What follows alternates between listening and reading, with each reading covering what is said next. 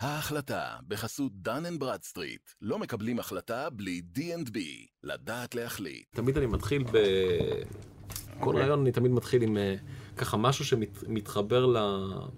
למושא של, אה, של הרעיון, אוקיי?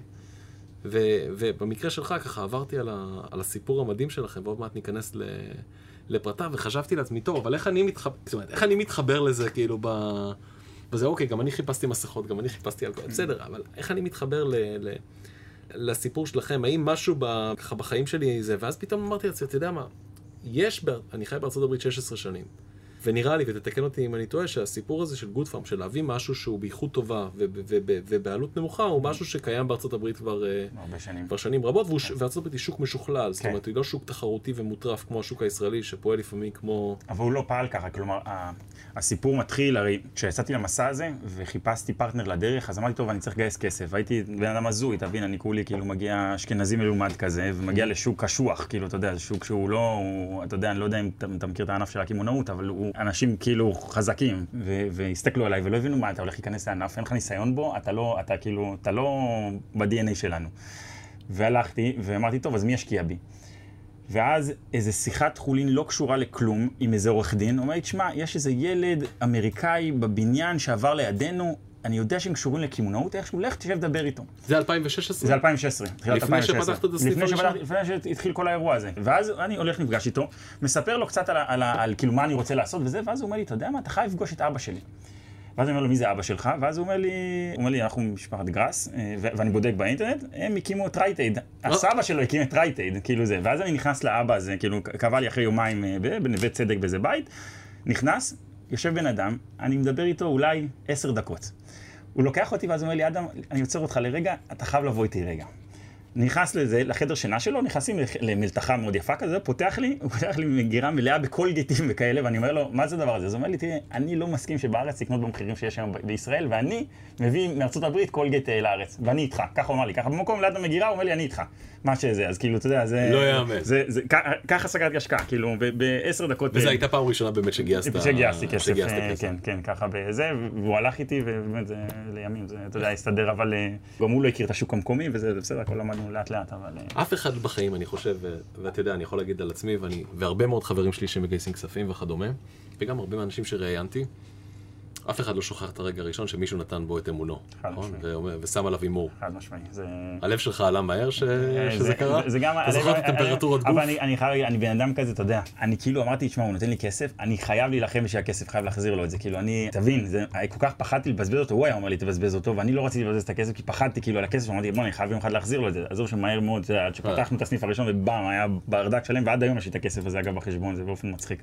הוא אבל- ביקש אחוזים משמעותיים, או שזה זה היה... היה אחוזים משמעותיים, הוא יחסית קיבל, כאילו הוא ביקש אחוזים משמעותיים, זה היה המהלך עסקת הראשון. חייו. עסקת חייו.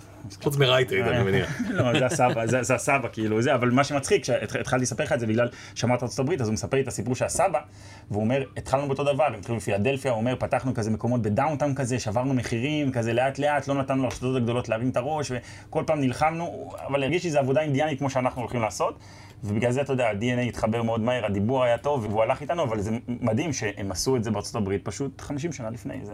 זה- א', זה 50 היה שנה לפני, וב', מבחינת scale, אתה יודע, שוק של 300, ברור. כמה אנשים, 350 מיליון איש. שחיים בארצות הברית. ברור. לעומת שוק אה, 10 מיליון אנשים, כן. פחות השטחים, 8 מיליון אנשים. למרות שאנחנו אגב מוכרים לא מעט לשטחים, אבל, אבל בסוף, בקמעונאות, אתה יודע, זה כאילו, תמיד אה, אנשים נוטים לחשוב, אתה יודע, זה הקמעונאות זה ענף ענק, כמה אתה חושב היום, פייסבוק וזה הגדולים, שנראה לך זה גדולים, בסוף וולמרט בחברת הכנסות זה, זה, זה חברה יותר גדולה, כאילו, אנחנו מתעסקים עם כסף גדול בקמעונאות, אז גם ישראל היא, שוק ענק בסוף, אתה יודע, שופרסלים וזה וזה, זה 20 מיליארד, 6-7 מיליארד, אתה יודע, כל, ה, כל הרשתות השיווק הגדולות, זה, זה עסקים גדולים, אה, סופר פארם זה עסק של 7 מיליארד שקל, זה, עסק, זה מספרים גדולים. בכל מקרה, זה, עסק- זה מספרים גדולים. בוא נתחיל. יאללה.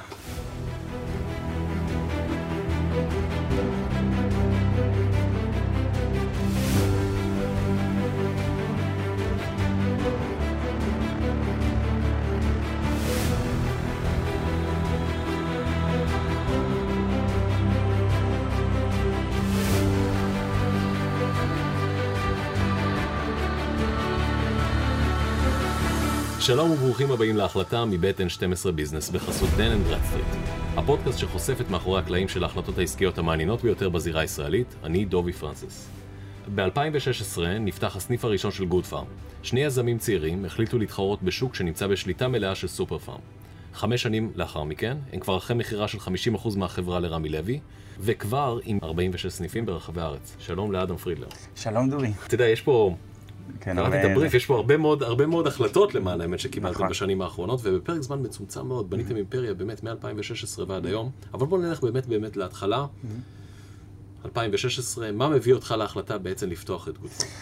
אז תראה, אנחנו מדברים על תקופה שהיא פוסט המחאה החברתית, אה, כאשר, אתה יודע, זה היה 2014, באמת אה, אנשים יוצאים לרחובות ואומרים, יקר לנו לחיות פה, וכולם יוצאים, ו- וצעקה ומחאה, ואם טיפה תתחדד, תיזכר, תזכר שהשלטים היו בצהוב ושחור, ואמרו צדק חברתי, ויוצאים לרחובות. הגיעה רוח התקופה הזאת, נפתחת פתאום רשת חדשה שנקרא, שהיא מביאה בשורה צרכנית, רשת קופיקס, אומרת, בואנה, אנחנו מוכרים קפה בחמישה שקלים. לא עובר מעט זמן, אומר, אני פותח סופר קופיקס, כל הסופר עד חמישה שקלים.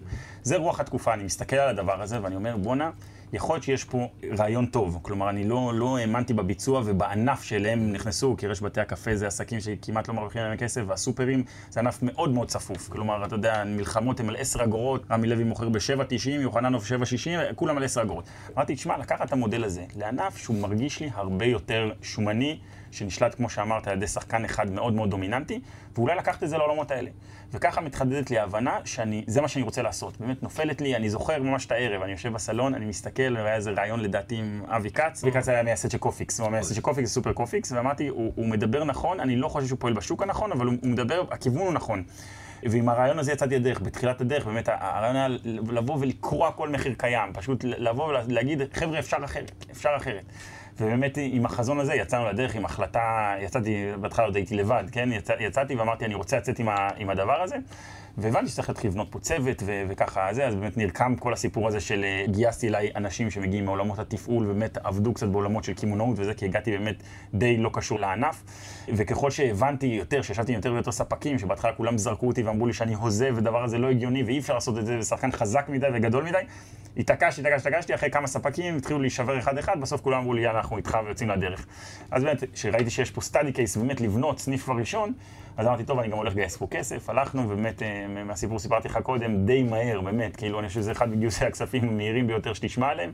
באמת הלכנו וגייסנו את הכסף הזה, והחלטנו לצאת לדרך. תבין, כל מה שאני מספר לך, כל האירוע הזה, מהיום שהחלטתי, ישבתי בבית וקיבלתי את ההחלטה הזאת, עד היום שנפתח הסניף, עוברים חמישה חודשים. אז רגע, בוא, נ- בוא שנייה נלך אחורה. בן כמה, בן כמה אתה היום? היום אני בן 35. אוקיי, אז זה, אנחנו מדברים, אתה בשנות ה-20 עשרים, המאוחרות האחרונות, לחייך, נכון? 29, הייתי 28, 29. איפה אתה עובד בגיל 29? אז הייתי, עשיתי כמה סיבובים, אה, בסיטואציה הזאת בדיוק אה, אה, החלטתי שאני לא רוצה להמשיך לעבוד בדלויט, עבדתי בדלויט. זה- יועץ? הייתי, הייתי עוזר כזה, עוזר אישי של השותף המנהל שם בדלויט, זה, וככה עזרתי לו לעבוד עסקאות וכאלה, הגעתי באמת מהעולמות האלה.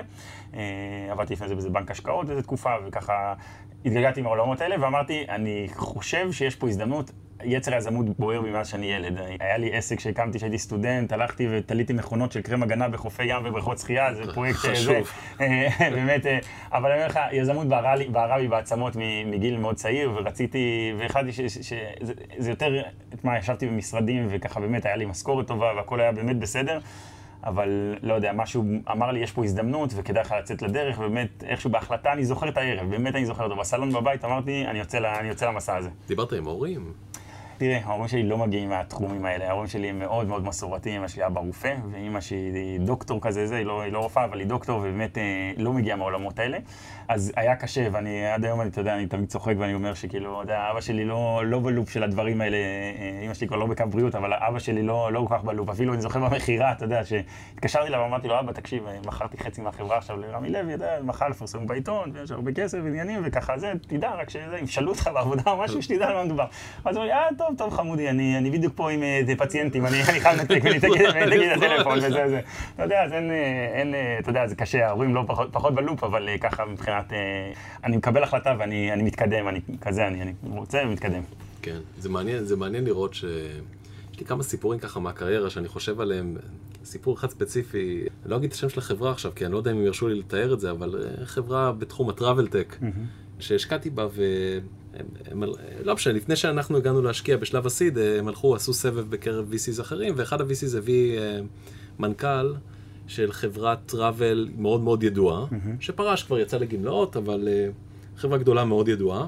נפגש עם השני חבר'ה האלה ואמר להם בסוף הפגישה, הוא חזר אל הבחור עם הפידבק ואמר, תשמע, זה בחיים לא ילך, הם הוזים לחלוטין החבר'ה האלה, על מה הם מדברים בכלל?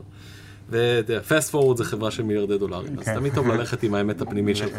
לגמרי, עוד פעם, לא כאילו חולמני לג- לגמרי, אבל אתה יודע, כשהרגשתי שיש לי מודל אמיתי שאני יכול להחזיק, אתה יודע, ואגב, אפרופו הימים האלה, אני חושב שאתה יודע, המסקנה הזאת של באמת לראות שהבסיס, בסוף אתה צריך לראות שהעסק יכול להרוויח כסף, ועם זה, אז האמנתי בזה, והאמנתי בזה בכל הלב, שאפשר לקנות בפחות, למכור מאוד בזול, ועדיין להרוויח מספיק בשביל לקיים עסק.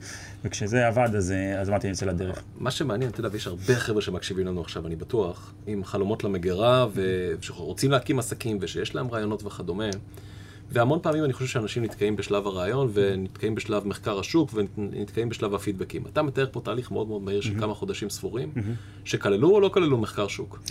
לא ממש, זה לא ממש מחקר שוק, ואני אני, גם באופי שלי, אני כאילו, אני מאמין שלומדים בעשייה. תשמע, אני חושב ששבוע בשוק שבו אתה רוצה לפעול, תלמד יותר ממה שתשב 700 שנה בזה, וגם הכל משתנה נורא מהר, ואתה יודע, זה מצחיק, כי לפני, אני חושב, בסדר גודל, לפני שנה וחצי, פתחתי את אותה תוכנית ראשונית שעשיתי. לא אין, על אין, אין, ה- על הדף חתיכת הזה, נייר, החתיכת כן. נייר הזה, אין לה קשר למציאות, ואין מה לעשות, זה פשוט לא המציאות. תראה, כשפתחנו את הסניף זה היה הזיה, כאילו, אנשים עמדו בסניף הראשון יום ולילה מחוץ לסניף, אני זוכר, לא הלכנו, אני חושב שלא הלכנו... לקינג ג'ורג'? לקינג ג'ורג', הי- הייתי ישן שם בלילה, הייתי ממש, היינו בלילה ממלאים את הסניף, בבוקר היו מגיעים ומפרקים את, כל ה... זה היה באוגוסט, אה, זה היה באוגוסט 2016, ופשוט היה תור מהסניף בקינג ג'ורג' עד לדיזנגוף סנטר. עמדו למה? אנשים... אני חושב שמעבר לזה שמכרנו במחירים טובים, יש statement, ו statement שאני מרגיש אותו עד היום. בגלל זה תמיד שואלים במה אני ייחודי, במה אני מיוחד. אני חושב שהקהל לקוחות שלנו זה קהל שבא להגיד משהו. הוא בא להגיד, נמאס לנו, דפקו אותנו כל השנים האלה, אנחנו הולכים איתכם כי אתם, אתם ישרים. ואני, והערך הזה מאוד חשוב, כאילו, אתה יודע, השם, הבחירה של good בגוד פארם היה תהליך מאוד מאוד ארוך, כן? זה היה באמת, אחרי מחקר מעמיק, וההחלטה לקבל, אנחנו, כשהגעתי לחברת מיתוג, והייתי מיני פארם, אני אמרתי, רציתי לקרוא לזה מיני פארם, ככה זה התחיל. והם שינו את המילה ל good, והם אמרו, תשמע, הערך הזה, ועוד היום אה, זה כבר עבר הרבה אבולוציות מאז, אבל, המילה good צריכה להוביל אותך לאורך כל הדרך, ואני חושב שזה גם יצר את קהל הלקוחות הזה, שאומר, בואנה החבר'ה האלה עושים משהו טוב. באנו לעשות טוב, ואמרנו, אנחנו באים לעשות טוב ללקוחות, לספקים ולעובדים שלנו. זה דבר מאוד מאוד חשוב, שבאמת, ועד היום הוא מוביל אותנו. ואני אומר לך, אתה תראה את זה בדברים הקטנים, אתה תראה אצלנו אין אה, זהירות המקום מצולם. אנחנו כותבים ככה, תהיו טובים. בסדר? אני, אני חושב שזה מעביר אותו מסר באווירה של טוב ו- וזה, ואני חושב שעד היום זה, זה ערך שמוביל אותנו. אני חושב שיש לזה איזשהו חלק בטח ב- בכל הדבר הזה. יש לי שאלה לך בתור אה, הדיוט שלא לא לגמרי מבין איך אה, מתבצעות מכירות ומה קורה מהרגע שיש יבוא ליבוא מקביל וכדומה. איך אתה מתגבר בבניית המודל העסקי על זה שיש יבואנים מאוד מאוד חזקים שמביאים מוצרים לישראל? אני לא זוכר אם זה דיפלומט, כן. אני לא זוכר את השמות של היבואנים הללו. כן. איך עושים את זה? איך עושים יבוא מקביל? איך עושים יבוא מקביל? יבוא מקביל זה בגדול, בגדול, בגדול, מי שמקשיב ולא יודע בכלל מה זה יבוא מקביל, יבוא מקביל זה להביא באמת את אותו פריט. כלומר, אתם מכירים היום אה, דאודורנט של ספידסטיק, שהביא אותו היבואן הרשמי שיש לישראל, וישראל נתנו למישהו להיות יבואן רשמי של ספידסטיק. אז בעצם הרעיון ביבוא מקביל זה להביא את אותו ספידסטיק ממדינה שממנה מגיע הספידסטיק, אבל לא דרך היבואן הרשמי, להביא אותו בעצמך, להביא שאתה היבואן, אתה מייבא את המוצר. ולעשות את זה באופן מקביל ליבואן הרשמי. וככה לנסות לחסוך את העלויות, כי היבואן הרשמי מרוויח בעצמו כסף, ואז אתה מנסה לקנות ישירות מה- מהמפעל, או ממישהו שעומד ליד המפעל וקונה משם. זה דבר לא כזה פשוט, בגלל שיש בישראל לא מעט רגולציה וכל מיני אה, קשיים לא, לא מועטים שהיו לאחרונה ועלו לכותרות בגלל כל הרפורמה שיש בענף התמרוקים וכל הדבר הזה. אבל פיתחנו רשת של קשרים מאוד מאוד ענפה, היום אה, בתחום של הנון פוד. אני חושב שאנחנו היבואן המקביל הכי גדול בישראל, ובתחום של מוצ- מוצרי צריכה, באמת אנחנו היום אה, פרוסים על שלל מוצרים, באמת.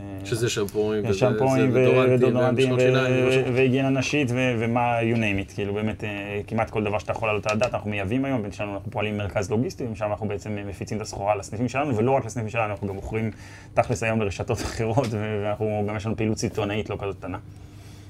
2016 הסניף נפתח, תופס תאוצה מטורפת, אנשים עומדים אה, בתור, מגיעה שנת 2017, 2018, ספר ככה מה קורה ב-24 חודשים ש... אז, אז באמת, אז, אז לקח לנו, אתה יודע, מה, מהבליץ הזה שעברנו שם, ועברנו באמת בליץ, זה, משהו שאשתי שנאה אותי, ובאמת היה זה, כי לא היינו בבית, והיינו יום ולילה, ותחשוב, אמרנו, הספקים, אתם מגיעים רק בלילה, אנחנו מקבלים סחורה רק בלילה, ותבואו ואנחנו זה, ו- אבל אמרתי לספק, אתה הבאת סחורה, בוא תעזור גם לסדר למדפים, אין ברירה, אני, אין, אין לי עובדים, אין לי מי שיעשה את זה, היינו שם יום ולילה, חצי שנה עד שהרמנו את הראש, אמרנו, טוב, אם אנחנו רוצים לבנות מזה רשת, אנחנו לא יכולים להיות פה מאחורי הקופה ולסדר את המדפים כל היום.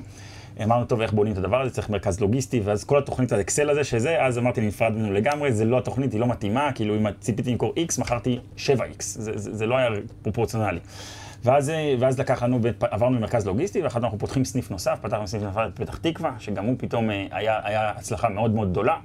ו- ולאחריו זה כבר התחיל לתפוס איזשהו סיסטם, באמת אה, התיישבנו במטה, וישבנו וניהלנו את המקום הזה ממטה, כלומר היינו מאוד מחוברים לסניפים ולשטח, אבל, אבל עדיין התיישבנו במשרד מסודר והיה לנו זמן לחשוב, ואמרנו איך בונים מהדבר הזה עסק, וזה לא עוד חנות נקרא לזה.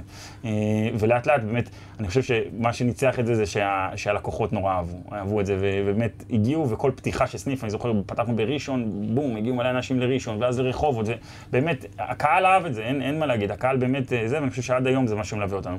אז באמת רצנו ככה, פתחנו עוד ועוד סניפים, ואז אה, היינו בערך שמונה, תשעה סניפים, אה, ו- ואז התקשר אליי איזה בחור עם איזה היכרות מוקדמת, ואמר לי, תשמע, איזה מישהו מהענף שלכם רוצה לדבר איתך, ואמרתי לו, תשמע, מה, מה הוא רוצה ממני?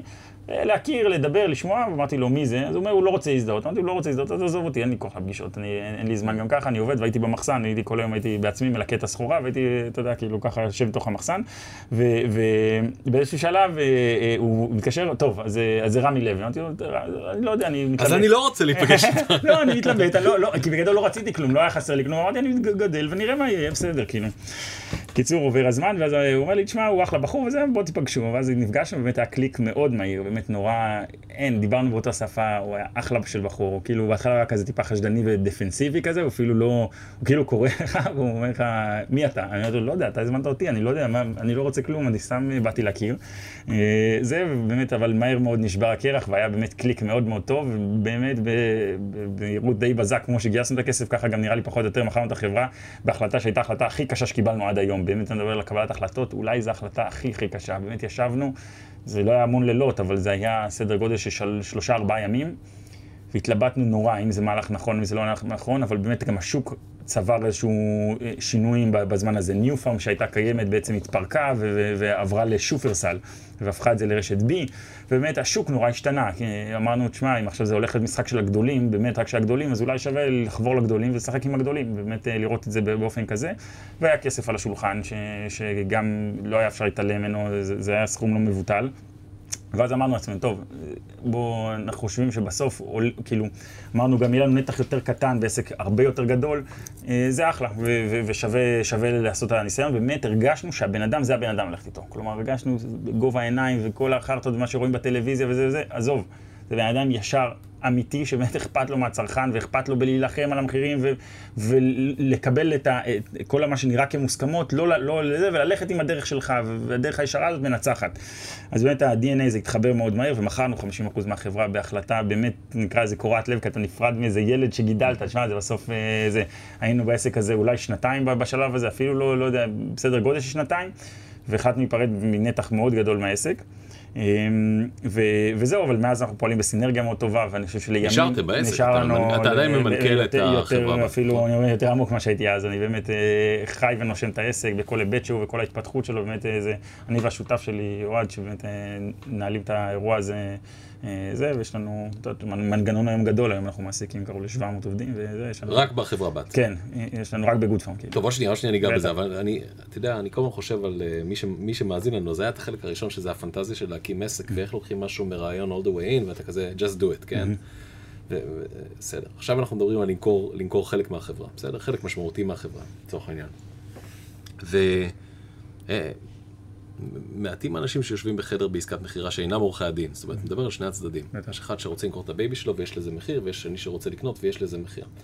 ואני בטוח שהקהל שמאזין לנו כרגע חושב לעצמו, רגע, אז, אז איך זה קרה בחדר עם רמי לוי? זאת אומרת, מה היה? מה היה בלילה שלפני? מה היה? מה השיחות עם האישה? מה השיחות עם השותף? מה, מה היה בלילה שאחרי? מה קורה אחרי החתימה? אתה יכול ככה לקחת אותנו לרגעים האלה? אני, אז תראה, זה, זה התחיל, זה היה סדר גודל של ארבעה ימי התלבטות כזה, שקבענו, מה שקבענו, קבענו לשתות קפה. אמר לי, זה היה כאילו, פגשנו פעם ראשונה, אחרי זה היה דממה, הוא התקשר אחרי זה פתאום להגיד חג שמח.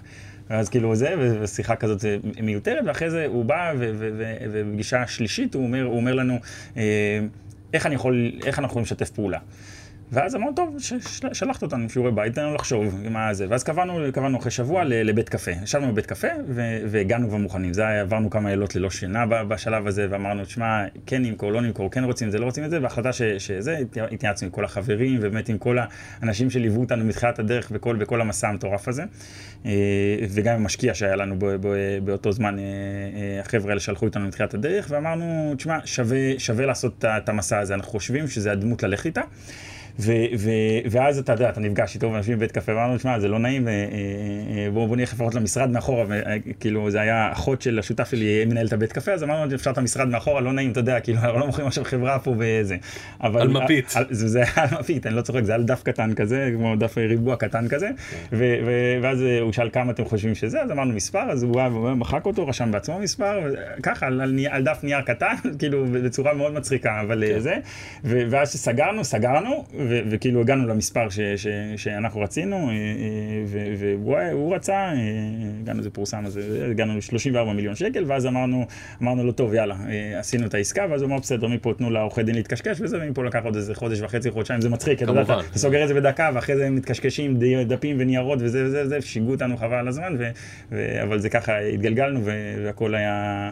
היה סבבה, כאילו, מהרגע הזה, וסגרנו מאחורינו, ואז היה, את כל הרגע של ההודעה לבורסה וכל הדבר הזה, שמענו על זה, כאילו, בגלל שחברה ציבורית, חברה ציבורית וזה, אז ככה, אז היינו צריכים לשמור את זה בשקט, ואז יצא הדיווח לבורסה, ובאמת, אז כולם, כאילו, אתה יודע, וואו, וזה, זה כל האירוע. אבל בסדר, זה עוד שלב בדרך, אתה יודע, אני, אני תמיד אומר, אתה יודע, שואלים אותי בעולמות של יזמות וכאלה, אני אומר, זה רק, אתה יודע, זה נחמד לתמונות לעיתון ולזה וזה, אבל זה שטויות בסוף, כאילו, היום-יום. העולם הזה של יזמות הוא ים קשה מאוד, זה מסע שאי אפשר לתאר אותו, זה רכבת הרים שיום אחד שאתה חושב שאתה למעלה, ולא להתאהב ולא לראות את התמונות האלה ולחשוב שזה העולם, כאילו יזם זה מסע קשה, קשה, קשה, קשה. שההסתברות ל... להצליח הוא כל כך נמוכה. למזוכיסטים בלבד. למזוכיסטים בלבד, מי שבאמת לא זה ורוצה באמת לזעזע את עולמו, זה, זה, זה מסע שמתאים למעט מאוד אנשים, מעט מאוד אנשים. מסכים, וגם סיכויי ההצלחה הם מאוד מאוד, מאוד, מאוד נמוכים. אני תוהה לעצמי, שאני חושב על השיחה ביניכם בבית קפה, או מאחורי הבית קפה שמה, אה, אם, אם מישהו שאל אתכם, אה, what will make you happy, כאילו איזה מספר יעשה אתכם מאושרים? זו הייתה השאלה? זה היה נוסח השאלה? תראה. או שאמר כמה אתה רוצה, מה היה? תראה, זה נורא מצחיק. כשאני פגשתי את השותף שלי, ביום הראשון, זה נפגשנו, אתה מבין, את השותף הזה גייסתי לצורך הפרויקט הזה, לא, לא הכרתי אותו לפני. אמרתי לו, וואי, תקשיב, לי יש חלום, אני רוצה לבנות חברה ואני רוצה למכור 100 מיליון שקל, זה החלום שלי, שאנחנו נמכור במכירות. במכירות, 100 מיליון שקל, אנחנו נבנה 100 מיליון שקל, ונהיה מבסוטים, נרוויח קצת, כמה אחוזים שאתה תרוויח, יהיה בסדר, אנחנו לא צריכים יותר. ואתה יודע, העסק התפוצץ כל כך מהר וזה, וזה, והגענו 100 מיליון די מהר, כאילו, הגענו ממש מהר למספר הזה. אבל אמרתי לו, תשמעי, אוהד, אנחנו צריכים לשנות את החלומות, אוקיי? החלום הזה לא מתאים לנו, המספר הזה הוא לא מתאים לנו. וזה, כאילו, זה אפרופו השאלה שלך, שאין מספר שעושה אותך שמח, כל, כל דבר זה הכל עניין שאתה יודע, זה הכל עניין יחסי בחיים, כן. בדיוק, החיים זה דבר יחסי, וקשה, אתה יודע, מה שעושה אותי שמח, תראה, הנה, עשיתי עסקה במרץ 2020, שהתחילה הקורונה להתפוצץ הזה, ומכרנו מסכות ואלכוג'ינים, וחשבנו שזו העסקה הכי גדולה שנעשה בחיינו. ופתאום הגיע עכשיו האירוע הזה של האנטיגן, פתאום האירוע של המסכות נראה כזה עוד איזה במפר קטן בדרך, שאז היה נראה לי כמו העסקה הכי גדולה שעשיתי בחיי. אז אז מספרים זה הכל יחסי בחיים, ואתה שואל אותי, אז 30 מיליון היה נראה לי הרבה, היום זה, זה נראה נחמד, אבל זה לא, זה לא, כאילו, זה, אתה יודע, החיים מתקדמים, ואת כל פעם נראה. לא, גם אושר הוא יחסי, נכון? נכון, נכון, נכון. מה שנראה נכון לאותה נקודה, לאו דווקא תמיד יהיה להמשך, זה ייראה בפרספקטיבה של החיים, אתה אומר, כאילו, בסדר, אתה נתקל ורואה, מתקדם וזהו, ואתה יודע, מתקדם. זה יכול תמיד גם ללכת לכל אחד מהכיוונים. זה יכול להיראות לקונה עסקה פחות טובה, זה יכול להיראות למוכר עסקה פחות טובה, נכון? נכון. נכון. נדיר הפעמים שהסטטוס קוו נשמר, נכון? מאוד בעייתי, מאוד בעייתי לייצר מה שנקרא, כולם אוהבים את הביטוי ווין ווין, אבל זה דבר שמאוד קשה לייצר אותו, אמיתית, אמיתית, זה דבר שמאוד מאוד קשה לייצר אותו. מכרתם, נשארתם כמובן אה, בעלי אחוזים משמעותיים בחברה, mm-hmm. בתפקיד ניהול בכיר, הת, הצטרפתם לרמי, ומרגע הצטרפות, אתה יודע, כי זה, אני מניח שהחשש העיקרי היה, אוקיי, אבל איך זה ייראה לעבוד הלכה למעשה? האם הדברים שהוא הבטיח לנו באותו שולחן, מאחורי הבית קפה שם, שהוא יעזור עם הלוגיסטיקה, ועם המשא ומתן על מחירים mm-hmm. וכדומה, ועם השם שלו והמוניטין שלו והכסף שלו, האם זה באמת התקנברט לתמונת המציאות שאתה רואה היום, או שזה שונה? זה שונה. זה שונה, ואני לא אגיד, אני לא אגיד אם לטובה לרע, זה שונה. זה כאילו מה שאתה מדמיין, ומה, זה קצת דומה לתוכנית העסקית הזאת שאתה, שאתה עושה בתחילת הדרך, והמציאות היא בדרך כלל שונה מאוד, כי... קודם כל, הם כעסק לא מתורגלים בנקרא לזה עסקאות M&A כאלה, זה לא שהם קונים וזה, באמת רמי לאחרונה האמת יותר קנה קצת יותר חברות, קצת ישראל וקופיקס שהוא לימים קנה גם את החברה הציבורית הזאת וזה, לא היה מתורגל בכל הסיפור הזה, אבל אני חושב שגם באיזשהו אופן זה לטובה, כלומר אני מסתכל על עצמי כמנהל או, או כדמות, קשה לי שמתערבים לי וקשה לי, זה אני, אני מכיר את עצמי, אתה יודע, אני, אני בן אדם די אגרסיבי ו, וקשה לי ש, שמתערבים לי ביום יום, ואני מרגיש גם שלפעמים יותר, יותר מדי טבחים האוכל נשרף אומרים, אז אני, אני ממש מרגיש ש, ש, ש, שלא בטוח שצריך, ש, שכל כך הרבה אנשים יקבלו החלטות וזה, וזה בסדר, בוא נגיד ככה, אני טועה ואני בטח טועה הרבה, אבל אני מקווה שאני יותר צודק מאשר טועה, וככה אנחנו מתקדמים קדימה. אה, אה, אז, אז אני חייב להגיד שחלק מהדברים באמת התגשמו כמו שהם, וחלק עבדנו עליהם, וחלק לא התגשמו עד היום. זה, אבל, אבל מה שנקרא חיים, מה שיש, אני, אני לגמרי, הרבה שואלים, להגיד, אתה לא מתחרט, היום החברה נורא גדולה וזה וזה, ואתה לא מתחרט על זה. אני לא מתחרט, מה שקיבלתי אז, הייתה החלטה אז, נכון לאותו רגע הייתה נכונה, ולהגיד לך עם איזה, אני לא מאנשים, ולהגיד לך שהיום החברה לא שווה פי 13, 14, כן, אבל לא נורא, הכל בסדר. אתה יכולנו לחזות את נכון, ויכולת נכון, לחזות את נכון. המסכות, ואת לא האנטיגן, ואת המשבר הפיננסי שלפתחנו, אי אפשר לחזות שום דבר לכאן. ממש ככה, ובגלל זה אני אומר לך, אני שמח בחלקי, ועזוב, מה שקיבלתי החלטה הייתה נכונה לאותו רגע, וזהו, והתקדמנו. תשמע, אני חושב שגם לפעמים להוריד טיפה מתח פיננסי ולהביא הביתה קצת את ה safety ו security גם טוב למשפחה וטוב לילדים ולאישה, ויש פה עוד שיקולים שאני בטוח, בטוח שלקחת במעמד המכירה. מסכים במאה אחוז. בוא שנייה ניקח, אה, אנחנו בשנת 2022, החברה סגרה רבעון, נשמע כמו רבעון שיא. כן. ככה, מספרים מותר לספר, כי אתם כבר קשורים לחברה כן, ציבורית. היה, באמת רבעון מאוד מאוד מאוד טוב, מאוד אה, זה, באמת ניהלנו את הפרויקט, נקרא לזה, של המדינה פחות או יותר, של כל עניין האנטיגנים של המדינה, באמת כל מה ששמעתם במבצע מגן אבות, לכל הבתי אבות וכל הבתי ספר, באמת סיפקנו גם למשרד הבריאות, גם למד, כמעט לכל גוף במדינה, לא כמעט, לכל גוף במדינה. חוזה מפלצתי, נכון? מה גודל החוזה הזה? אה, רק למדינה זה היה אה, כמעט 300 מיליון שקל רק למדינה, ועוד לכל השוק הפרטי, מכרנו לכל המדינה, כל בדיקה שהייתה בעצם בישראל למשך תקופה לא כזאת קצרה הייתה שלנו. איך זה קורה? איך קורה שמגיעים לחוזה כזה, איך קורה שזוכים בחוזה כזה כנגד... אני אסביר לך מה היה, זה, זה, התחיל, זה התחיל, היה, נקרא לזה מיני גל שהיה עוד באוקטובר 21, לקראת סוף שנה, אני לא יודע אם אתה זוכר, היה כזה מיני גל כזה של זה, ופעם ראשונה נכנסנו לעולם הזה של האנטיגנים, הכרנו איזה מפעל בסין, ואמרנו, טוב, בוא נעבוד איתו, וככה ראינו כי טוב, ניגשנו לאיזה מכרז קטן של המדינה, זכינו בו וביצענו אותו והיה אחלה והיה נחמד, ראו את זה בדוחות השנתיים. היה נראה לנו אז עסקה גם גדולה, אבל, אבל, אבל הייתה, אבל הייתה בקנה מידה יותר קטן מזה. ואז אה, בעצם הגיעה לאוזניי שמועה שהולך להגיע כל הסיפור של האומיקרון. פחות או יותר הבנתי את התאריך שהדבר הזה מתעורר, נתנו לי את זה ממש במונחים, פחות או יותר בטווח של סטייה של עשרה ימים. נתנו לי את זה... איזה חבר'ה שעובדים שם עם ה... יש גוף של משל"ט נקרא שמנהל את כן, כן, הסיפור כן, של הקורונה, והם אומרים, יש להם תחזיות, יש להם מודיעין כזה, יש תחזיות, הם יודעים, כי יש להם, תבין, יש להם את כל הדאטה. יש להם מתי התחסנו אנשים, אה, אה, מתי זה הולך לפוג וזה, יש להם את כל המידע שיש, מתי אה, טיסות, יש להם את כל הדבר הזה, יש להם את כל הנתונים, והם אומרים, אנחנו יודעים פחות או לחזות שבתאריך הזה יתפרץ הגל. אני מסתכל ואני אומר, בואנה, אם זה הולך להתפרץ גל כמו שהם מדברים, וסין שבועיים אחרי זה יוצאת לחג הסיני, שמי שמכיר את סין יודע לקנות. ש... עכשיו צריך, מה זה עכשיו? אתמול. ואם אתמול, אם אתה לא סוגר את זה, אין סחורה. ולא מי אתה ומה אתה וכמה גדול אתה, זה כלום, כי אמריקה הבנתי שדווקא שם מלא הזמנות לתוך המפעלים הסינים, והם עסוקים יום ולילה. אמרתי, אתה יודע מה? אני הולך עכשיו לשלושה מפעלים, סוגר אותם. אני אומר... טסת או שבטלפון? לא, טלפון, טלפון אה, זה, אמרתי, אני, אני, אבל נועל אותם. באמת, כאילו, עד הסוף. איך נועלים? אה, ההחלטה בחסות Dun & Bradstreet. לא מקבלים החלטה בלי D&B. לדעת להחליט.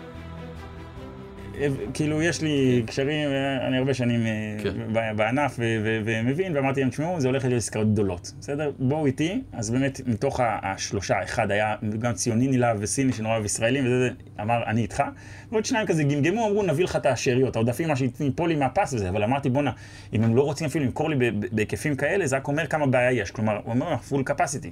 אמרתי, מה יקרה אם מישהו רוצה לקנות? ואז מגיע הגל. אני כבר מוכן, הכל לזה, יש כבר, החלטתי גם להדפיס אריזות, חלק בעברית, על, על חשבוני, אמרתי, אם לא, איבד 95 אלף דולר, אמרתי, תרביצו אריזות בעברית, כבר הכל יהיה מוכן וזה. ואז מגיע הגל, ואני רואה פצצה, אתה, אתה מבין, כאילו נדבקים פה פתאום עשרת אלפים איש ביום, עשרים אלפים, yeah. והמספרים עולים. ואני אומר, אני יודע בדיוק מה קורה, כולם מתקשרים לסינים, הסינים עזבו אותנו, מה ישראל עכשיו עזבו, אנחנו מטפלים באמריקה, סימן שמה הזמנה של 700 מיליון בדיקות, מי יתעסק עכשיו בישראל? ואני יודע שאני לבד. ואז המשל"ט מתקשר, כי המשל"ט ריכז את זה. המשל"ט מתקשר ואומר, חברים, אנחנו מחר צריכים סחורה. אמרתי, אין בעיה, זה מחר סחורה. יש מחר סחורה, זה זה. וסגרנו ככה עם מפעל אחד, ה-29 מטוסים. אמרתי לו, כל בוקר אני צריך מטוס. כל בוקר שיעלה מטוס עם סחורה. המטוס זה בשיתוף פעולה עם... אה, אה, לא, דווקא זה לא היה עם ישראל, כי לא... לא היה ישראל. זה לא תובלה, כי הם לא, לא תובלה, הם לא בזה, ואז כל בוקר העלה מטוס, אה, ובאמת, זה הפעילות ענקית, כאילו, אתה יודע, זה כל יום לפרק, אתה יודע, והיה לחץ נורא גדול, אתה יודע, זה, זה, זה, אני, אתה יודע, סיימתי את הסיפור הזה ממוטט, כן, נפשית, אני מספר את זה כאילו זה גם היה כיף, אבל זה לא, זה לא כזה היה כיף, אה, זה כי, כי אתה יודע, היה לחץ נורא גדול, הממשלה, אתה יודע, כל הזמן מתקשרים אליך, מתי קורה, מתי זה כולם, אני יגיע. מדבר איתך, מי, כולם, כל האנשים הכי בכירים שאתה מכיר, מי האנשים שזקה אומרים לך, אנחנו צריכים לקבורה, וה- והאלה והאלה אומרים לך, מה הם צריכים לקבורה? אני אומר לך, כל, אין גוף, אני אומר לך, יושב ראש זקה מתקשר אליי ואומר לי, אדם, אני צריך בדיקות, אני, אין, אין, אני חייב מחר. אמרתי לו, תשמע, הבטחתי למדינה. אמרתי, תתקשר למשל"ט קטן. כי זק"א פעלו כמו ארגון הצלה, נכון? הם הם- בהתנדבות הם- עשו בדיקות. בדיקות, אה, אבל לא. מד"א, אבל לא מד"א- למה שחשבתי. לא, לא, לא, לא מתים. לא, לא מתים. לא, גם לו יש קורונה. כן. אה, תצחק, אבל בגל הקודם, בזה, זק"א היו צריכים מדי חום, וגם היה סיפור עם מדי חום שהבאנו מדי חום לפני כולם, ואז, אבל שם גם למתים היה צריכים לדעתי למדוד חום, אבל, אה, כן? אבל כן, לדעתי היה שם סיפור עם הקבורה והחום ומשהו כזה, אבל, אבל, אה, אבל, אה, אי אפשר היה, אתה יודע, בגל הראשון אי אפשר היה להשתחרר מהקורונה. הרי גם, אני לא יודע מתי נדבקת.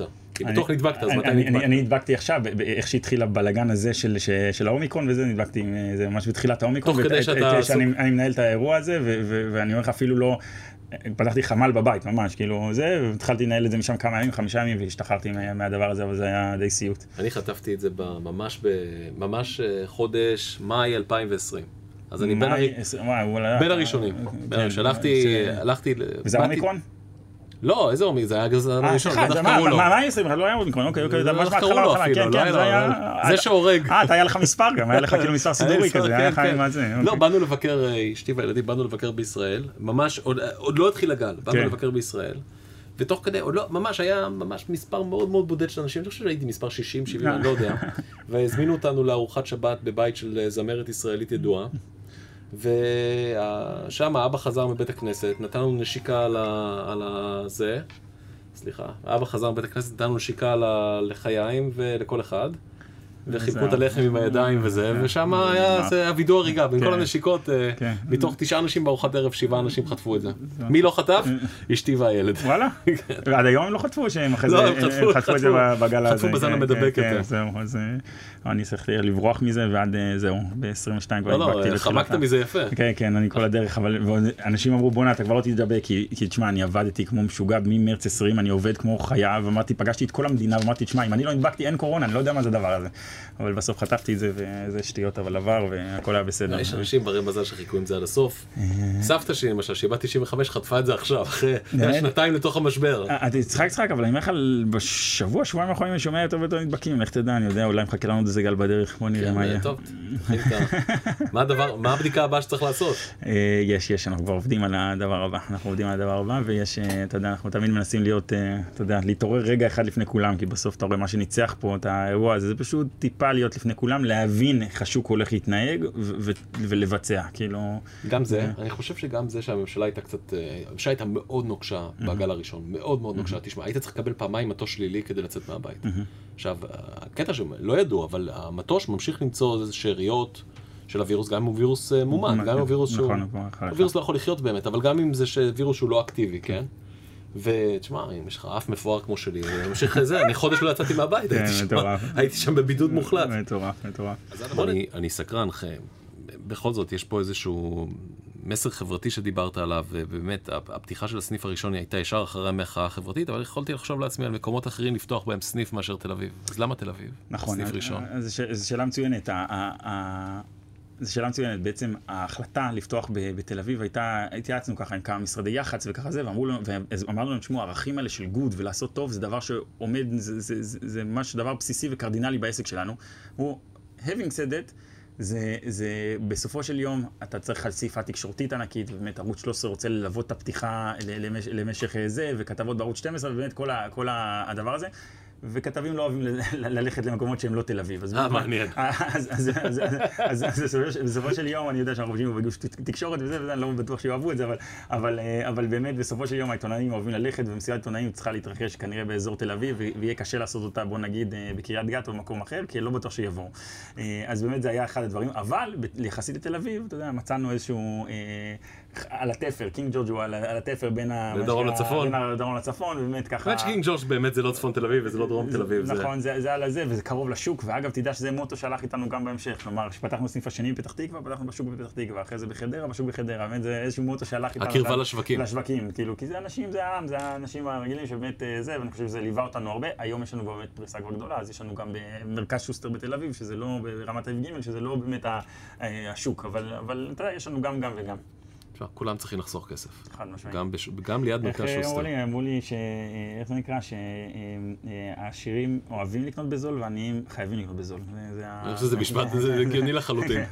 בוא נדבר על... עכשיו, אנחנו 2022, העסק מתפוצץ, הכל נראה, בלי עין הרע, נראה בסדר גמור. מה החזון שלך לחמש שנים הקרובות, אם יש לך כזה? חמש שנים קשה לי לתכנן קדימה חמש שנים, אבל אה, אני חייב להגיד, באופ- נקרא נקרא לזה ככה, באופן השטוח ביותר, הייתי רוצה לשרת עוד ועוד אה, אה, בתי אב בישראל. אנחנו היום בסך הכל נמצאים, אנחנו באמת אה, אה, כבר מתקרבים לסניף החמישים, אבל, אבל עדיין יש לנו עוד המון המון המון לאן לגדול. אני חושב שהעסק הזה יהיה ב-200 סניפים לפחות, ו- ואני חושב שאנחנו יכולים לשרת עוד הרבה מאוד צרכנים. בנוסף לזה, אה, אנחנו בסוף רואים את עצמנו כגוף שיכול לתת מענה, מענה אה, יותר רחב, אנחנו משרתים לא מעט לקוחות, וזה בעצם הכוח שלנו. אנחנו בסוף פוגשים, נכון להיום, סדר גודל של 40 אלף לקוחות מדי יום. ואנחנו חושבים מה אנחנו יכולים לתת, איזה שירות אנחנו יכולים לתת לאותם לקוחות, ובאמת על בסיס זה למנף את העסק לכיוונים נוספים, ואנחנו פועלים בכל מיני ורטיקלים, ואני מקווה שבקרוב נוכל להודיע על עוד איזה תחום שניכנס אליו, באמת כל תחום שאנחנו יכולים להביא בו בשורה צרכנית, ובאמת אה, להעמיק את הקשר הזה עם הצרכן שבנינו בעמל, ובאמת מה שאנחנו מקפידים עליו נורא, כאילו ממש מקפידים עליו כל יום, אה, אני מקווה שנוכל לקחת את זה הלאה, עם עוד שירותים נוספים שאנחנו מתכננים לתת, יש לנו, יש לנו תוכניות אה, נרחבות, אני לא יכול להגיד לך שלחמש שנים, אבל בוא נגיד לשנה הקרובה בהחלט יש לנו אה, תחומים שלהם אנחנו, אנחנו נרצה, נרצה להתרחב. שאלה לי לך, יש עכשיו המון דיבורים על אינפלציה, ואנחנו רואים את זה משתקף בשווקים הציבוריים, אנחנו רואים את זה גם משתקף בענף הטכנולוגיה, בו, בו אני פעיל. עד כמה אתה מרגיש את זה אצלך בחנויות? אני, אני מוטרד מזה, אני חייב להגיד, אני מוטרד מזה. תסביר. אני חושב שבסוף משקי בית, אני, אני מאוד ער למה שקורה, אני מעסיק לא מעט עובדים ואני מדבר, אני מדבר איתם כל יום ואני אני מבין מה קורה למטה ברצפה ואת הבלגן שקורה עכשיו, אני גם מרגיש, ראיתי אותו כבר לפני חודשיים, כשאתה רואה שבאופן סטטיסטי יותר עובדים באים לבקש העלאה במשכורת, ובאמת אתה רואה שנהיה יותר יקר לחיות פה. אתה, אני, אני אומר, שמע, הנהג שלי שעושה לי את ההובלות מה, מהמחסן הלוגיסטי שלי לסניפים, אומר לי, תשמע, הדלק עלה לי, השכר של העובדים, הכל עולה. ואנחנו במין, אמרתי, תשמעו, אנחנו בדרך למלכוד, באמת לכל החבר'ה האלה יותר יקר לחיות פה, הארנונה עלתה והחשמל עלה, ובאמת הדבר הזה מאוד מטריד אותי ומדיר שינה מעיניי אה, בצורה, אני אגיד, מהותית, כאילו, זה לא, אני לא רואה את זה בקטנה. אתה מדבר כמעסיק עכשיו, כמע, כן? כמעסיק וגם, וגם כמישהו שמוכר ופוגש צרכנים. אני חושב שמשקי הבית יהדקו חגורות בתקופה הקרובה, ואני חושב שההוצאות יהיו הרבה יותר מדודות. מצד שני, זה גם הזדמנות, כי אני חושב שמי שמוכר בזול, ו, ובעצם הצרכן יהיה יותר פיקי בקניות שלו, ו, והוא יעשה יותר השוואות, והוא יבדוק איפה כדאי לקנות, ובגלל זה אני חושב שדווקא בדבר, בדבר הזה יש לנו יתרון מאוד מאוד גדול, כי אנשים יודעים שאנחנו, אפילו בלי לבדוק אותנו, אנחנו, אנחנו נותנים הצעת ערך מאוד מאוד טובה ללקוח. אה, אה, אז זה הפן ההזדמנותי, אבל אני בהחלט חושב ש, שהולך להיות צמצום, ואני אני כבר מרגיש את הצמצום, וגם ברשתות השיווק, בכל הדוחות שאתה כבר פורסמו לבורסה, כולם בקיטון, אין, ללא יוצא מן הכלל. אה, אה, אצלנו זה עוד לא נגע, אנחנו באמת בהתפתחות מאוד, ועוד אתה יודע, ה brand שלנו עוד לא הכי מוכר בכל הארץ, אז, אז אתה יודע, ככל שעובר הזמן אז אנחנו גדלים, נקרא לזה במונחי same store, אנחנו גדלים. אה, אבל אני, אני לא שיכור מזה. אני מאוד מאוד אה, מסתכל, אני בוחן כל סניף ברמה חודשית, להבין האם גדלנו, ואם לא גדלנו, מה הייתה הבעיה, ובאמת ללחוץ על, ברמה ניהול בסיסי. אבל לדעתי אנחנו לפני תקופה לא קלה וגם לא קצרה. אה, אני חושב שאנחנו הולכים למיתון מאוד כבד שיימשך מעל לשנה. לצערי, אני לא, אין לי בשורות טובות בעניין הזה. אתה מרגיש כבר בסניפים, מאחר ואתם כבר 46-47 סניפים, הסניפים מתנהגים שונה. כן, כן, יש איזה ממש. עולם, עולם ומלואו, זה מדהים, כאילו איזשהו, שלא תיארתי לפני, כאילו אתה אומר סניפי הדרום זה באופן אחר לחלוטין והתמהיל שונה מאשר סניפים שנמצאים אפילו בתל אביב או בחדרה ובקריית מוצקין, כאילו זה, זה, זה, זה כאילו עולם אחר, כל סניף זה, זה טיפוסים אחרים וזה... אתה מדבר עליהם אחרת? אה, בשיווקית? בהחלט, בהחלט, גם הסניף מסודר אחרת והוא יותר? מותאם, בטח, בטח, אה, אנחנו, אנחנו, דברים שלקח לנו ללמוד, עוד פעם, תבין, הגענו קלולס לענף הזה. ולא זה, ולמדנו את זה עם הזמן, ובאמת אה, התחדדנו, אבל, אבל תשמע, אתה יודע, כאילו, אתה רואה שהקהילה היא מאוד מאוד מאוד שונה, כלומר, אה, אני אגיד לך, בדרום יותר אוהבים, כאילו, אתה יודע, דברים שיותר טיפה נוצצים, ויותר אה, ביסום, ודברים יוקרתיים וזה וזה, שזה באופן קצת מוזר, אתה אומר, בוא'נה, יוקרתי, בטח קונים בתל אביב, לא, בדרום זה יותר פופולרי. מה תל אביב אוהבים? גם תל אביב אגב מתחלקת, קודם-? כל- כן, קודם כל כן, קודם כל כן, אה, אבל אה, אה, עוד פעם, יש הרבה, בתל אביב יש ייחודיות, נקרא לזה, בעוד רמות של, הם חזקים ו- מאביזרי מין וקונדומים דרך, בקיצור, אני יודע, לא, זאת אומרת, רוצה פירוט עד הסוף, לא, אתה לא, לא רוצה, אתה. לא- אתה- אתה לא רוצה. הם מסננים אותנו גם ככה. אני יודע, עכשיו עשיתי צנזורה על האירוע הזה. מגניב. תשמע, שאנחנו תמיד מסכמים את השיחות האלה, אני, אני שואל אה, לעצת זהב, סך הכל הרבה חבר'ה מקשיבים לנו עכשיו, ולך יש את הפרספקטיבה שלך, ואני יודע שיש הרבה שיעורים שלמדת ככה לאורך הדרך, אבל אם יש איזו עצה אחת שככה היא קו מנחה בשבילך בעבר ושנים קדימה, ואתה יכול לחלוק אותה עם הקהל בבית, מהי? אז אני אגיד לך, אני, העצה הזו היא בעיקר נקרא לזה ברמה ניהולית, מה שתפסתי עם הזמן, ו, ואני חושב שהתחדד לי כמנהל, שלקבלת החלטות יש רובד טקטי ורובד אסטרטגי.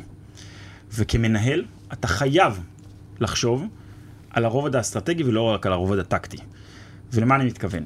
אני יכול לתת הרבה, הרבה דוגמאות לזה, אבל אם מגיע אליך, אחד אתרי האינטרנט הגדולים במדינה, מתקשר אלינו, אומר בואו תפתחו אצלנו מחלקה באתר האינטרנט שלנו, תמכרו מוצרים. אתה אומר, ברמה הטקטית, אני אגדיל את המכירות, אני אמכור עוד קצת וזה, בוא נראה נחמד, נגדיל, וזה ששורת ההכנסות תגדל, זה זה. ברמה האסטרטגית, אתה אומר, בוא'נה, הם על הגב שלי ילמדו את כל התחום, יבינו מה הברקודים שעובדים, מה זה, איזה מחירים קונים, מה מוכרים, איזה מבצע עובד, אני אלמד אותם את כל ה-knowledge, ואז בגדול יזרקו, יזרקו אותי החוצה, כי הם לא, מה, מה, מה, מה יצטרכו אותי, כאילו, הם, הם בעצם עשו את כל העבודה על, על הגב שלי. סתם, לא, סתם, סתם, טובה. סתם, סתם כאילו זה, אז אני אומר, בקבלת החלטה של האם ללכת לפרויקט הזה או לא ללכת לפרויקט כזה, את צריך, אני אומר כמנהל, לדעת שלהחלטה. יש השלכות, לנסות לראות את העוד צעד קדימה ולא לראות מתחת לפופיק. כלומר, לנסות להסתכל שני צעדים קדימה, אני חושב שזה זה אחד הדברים. היום שאני מקבל החלטות, בעיקר במהותיות שבהם, אני מנסה לחשוב איך זה נראה בעוד, בעוד כמה צעדים. זה אומר בגיוס כוח אדם, יש החלטות כאלה. אתה אומר, אני מגייס בן אדם שהוא הוא יכול עכשיו לפתור את הבעיות ויפתור לי את הבעיה הנקודתית שמציקה לי, או להביא מישהו שאני יודע שהוא מנהל טוב, והוא גם איש שיכול לסחוב צוות וזה וזה, והוא, והוא כבר יביא את האנשים, אתה מבין? כאילו, זה, זה, אני לא רוצה לקבל החלטה שתפתור לי עכשיו את הבעיה, זה לא הרעיון, הרעיון זה לבנות אה, סיסטם ש, שיפתור בעיות באופן כללי. אה, אז באמת, אני, אם, אם זו העצה, זה באמת לנסות לנתח כל בעיה בשתי הרובדים האלה, ו, ו, ו, וככה לקבל החלטות טובות יותר. מדהים, אני אשתמש בזה בעצמי. אדם, היה ממש כיף, תודה רבה, בניתם רבה עסק. באמת מדהים, ו- ותודה שמצאת זמן לדבר היום. תודה רבה, תודה. ועכשיו, עצת הזהב של Dun & Bradstreet. שלום לאבי זיתן, יועץ אסטרטגי מטעם Dun & Bradstreet. מאזינים יקרים, בעולם העסקי אנחנו כל הזמן מקבלים החלטות, בכל רגע. החלטות על ספקים, לקוחות, אשראי, תמחור, עובדים, החלטות שיכולות להיות מאוד משמעותיות ליכולת שלנו לצמוח בעולם התחרותי, ואולי אפילו לשרוד. ההחלטות האלו יכולות להיות הרות גורל.